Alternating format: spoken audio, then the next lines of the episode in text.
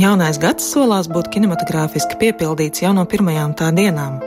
9. janvārī ar Douglasa sērka 1955. gada filmu Viss, ko debesis atļauj un Ditas rietums lekciju aizsāksies kino lektorija Tas, ko tu nedrīkst nezināt, jau 14. sezonu. Rīgas kino muzeja un kinoteātris Splendid Palace rīkotais kino lektorijas pirmajos trīs gadu mēnešos jau tradicionāli piedāvās sešas filmas no kino vēstures un katru no šiem seansiem ievadīs cits lektors. To vidū gan kino zinātnieki un kritiķi, gan režisori, gan vēsturnieki. Šodien pie jūras klimata studijā viesosies tas, ko tu nedrīkst nezināt, projekta vadītāja un kuratora Agnes Logina, kā arī viena no lektorēm kino kritiķa Daira Āboliņa. Uno, dos, one, two, tres, cuatro!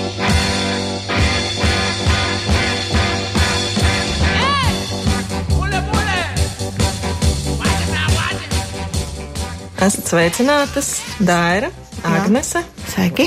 Dāra, tātad kas ir tas, ko mēs nedrīkstam nezināt šoreiz? Mēs nedrīkstam nezināt to, ka Eiropā ir um, brīnišķīgi daudz klasiķu, par kuru veikumu un arī teiksim, viņu garīgo lidojumu, jeb iluzoro lidojumu, kā tas varbūt piestāvētu šoreiz mūsu apakšvirsrakstam, mēs ļoti maz ko zinām. Un uh, lektorija vadmotīvs šoreiz būs ilūzija par ilūziju. Jā.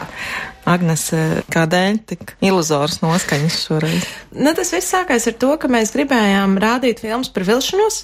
Par tādu izaugšanu no vilšanās un to sajūtu, ka kaut kas nav tā, kā to bija gaidījis. Tās ilūzijas ir uh, saistītas ar to sajūtu tiešām, ka tu esi daļa no sabiedrības un uh, tad vienā brīdī tu saproti, ka tev ir uh, tas rāmis, kurā sabiedrība tev mēģina ielikt, ir tev jau krietni palicis par mazu.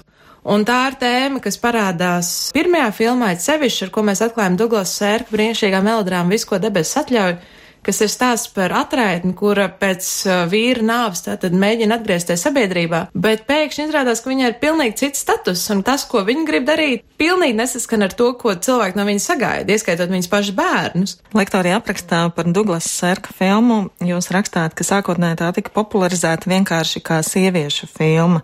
Ko 1955. gadā devēja par sieviešu filmām? Par visu, ko devēs atļauju, rakstīja, ka jā, nu tā ir tāda filma sievietēm.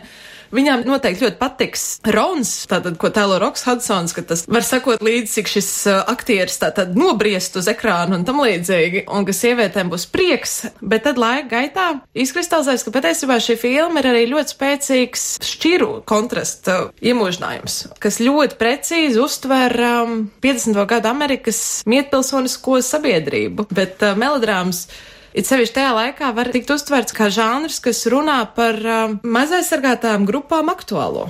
Nākamā filma 23. janvārī tā tad ir Vai viegli būt jaunam? Jūra Podnieka leģendārā dokumentālā filma. Daudzās uh, kino vēstures grāmatās raksta, šī filma ir uh, skatīta miljoniem reižu dažādās valstīs. Nu, tas visticamāk nav pārspīlēts. Un uh, šīs filmas lektors būs Kaspars Zēles, vēsturnieks, jo mēs gribējām atrast tādu mazāk zināmu rakursu, kā uz šo filmu var paskatīties. Tad nākamā filma, ko mēs rādīsim 6. februārī, būs uh, Vima Vendersa filma Aplamā kustība, kas ir uh, viena no tādām vismazāk zināmajām viņa filmām. Tādā ziņā, ka tas ir 75. gads, tas ir pirms tā lielā popularitātes viļņa, ko viņš uh, sasniedz ar Parīzi, Teksas un uh, Debes pār Berlīni. Tā ir tā viņa saucamā ceļu filmu triloģija, viņam bija trīs tādas filmas, tātad, un uh, šī ir otrā. Tā ir um, par jaunu vīrieti, kurš grib būt rakstnieks, bet viņam reāli neinteresē cilvēki.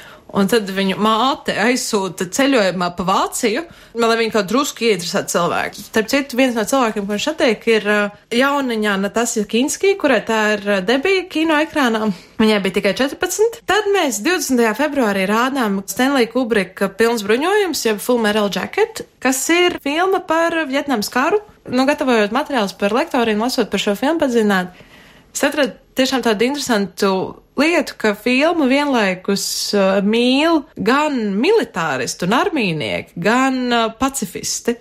Jo katrs filmā saskata to, kas viņa ideoloģija ir tuvāk, un uh, tie militāristi saskata filmā pilns bruņojums stāst par to, kā tad uh, top īsti vīri, Pacifisti vairāk saskata to, kā karš iznīcina jaunas puišas. Par to mums runās lektors Dāvs Sīmens, un um, savukārt par aplamo kustību mums runās Viktors Freibergs. Un tālāk, marta sākumā, 6. martā, mēs skatīsimies Parīzes pieder mums. Parīzes pieder mums ir uh, filma, kas pieder Franču Janam Vilnim, kas ir Žaka Riveta filmatrāža debijas filma.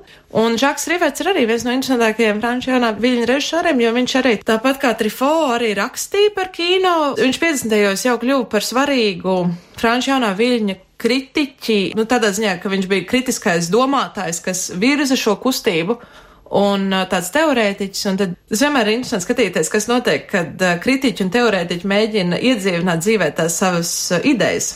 Un tātad par šo filmu mēs runāsim 6. martā, un lektora būs Zana Balčs, kino muzeja vadītāja. Mans favorīts programmā noteikti ir Zviedru kino režisors brīnišķīgais Rojas Andersons, kuram tad arī pieder filma ar lakonisko nosaukumu Balodas sēdājas zara pārdomās par eksistenci, bet šoreiz programmā 2000. gada filma dziesmas no otrā stāva dēra pastāst lūdzu, kā šī filma iekļaujas ilūziju koncepcijā. Mm.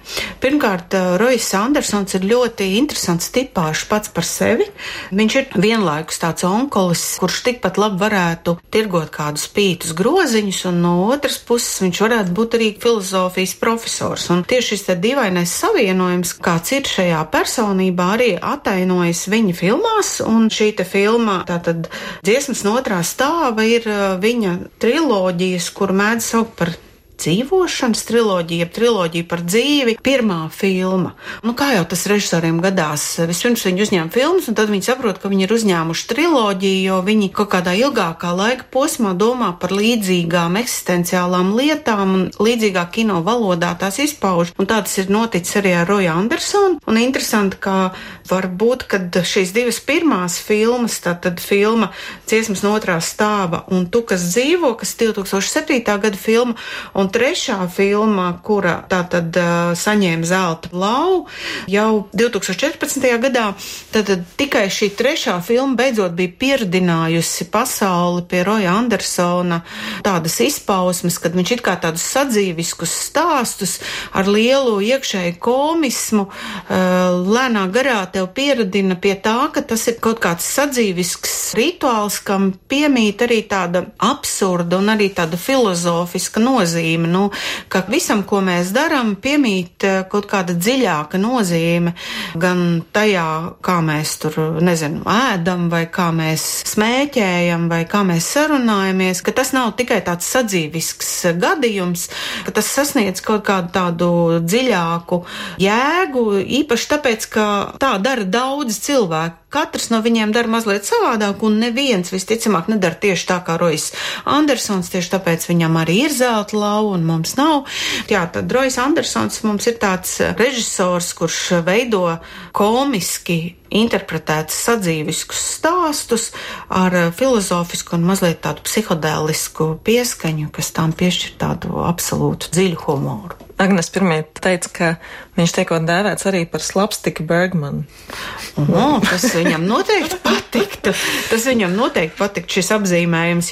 Patiesībā diezgan daudz tādu gadījumu pasaulē, ka cilvēkam ir jānodzīvo pāri savam pusmūžam, lai kāds beidzot teiktu, nu jā, tas kā tu domā, tas taču ir eh, brīnišķīgs rokraksts, tas taču ir brīnišķīgs izpausmes veids, un nu mēs beidzot tev iedosim kādu oficiālu balvu, lai tu būtu tajā kino režisora elitē elitē. Un tātad no 2014. gada es uzdrošinos teikt, uh, Rojas Andersons ir kino režisoru elitē oficiāli, neoficiāli. Viņš tur ir bijis jau daudz, daudz senāk, jo festivāli viņa filmas ir vienmēr izrādījuši. Rojas Andersons ir brīnišķīgs zviedru tipāšs. Man liekas, ka noteikti viņš sadraudzētos ar brāļiem Koeniem, ja vien viņam tāda iespēja rastos. Nezinu, viņš noteikti sadraudzētos arī ar Viktoru Freibergu, ja viņam iznāktu iespēja ar viņu parunāt tepat Latvijā. Tā kā, jā, viņš ir tāds dziļūdens bumba. Vai būs pieejams arī mm, lektorija abonements jau laicīgi, jau pirms Ziemassvētkiem? Jā, tas ir arī viens no iemesliem, kāpēc mēs sākam tirzniecību ātrāk. Mēs plānojam uh, parūpēties, lai cilvēki var šo lektorija abonementu dāvināt saviem mīļajiem, un tāpēc mēs plānojam palaist tirzniecībā biļetes jau no šodienas.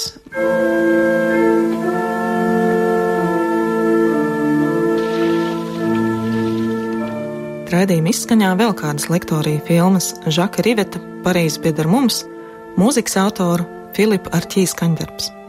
Arķī bija gan komponists, gan scenārists un režisors. Viņš darbojās televīzijā, teātrī, operā un cirkū, kā arī radīja šo mūziku, ko klausāmies no Žana Lika Godāra 1963. gada filmas Karēvi.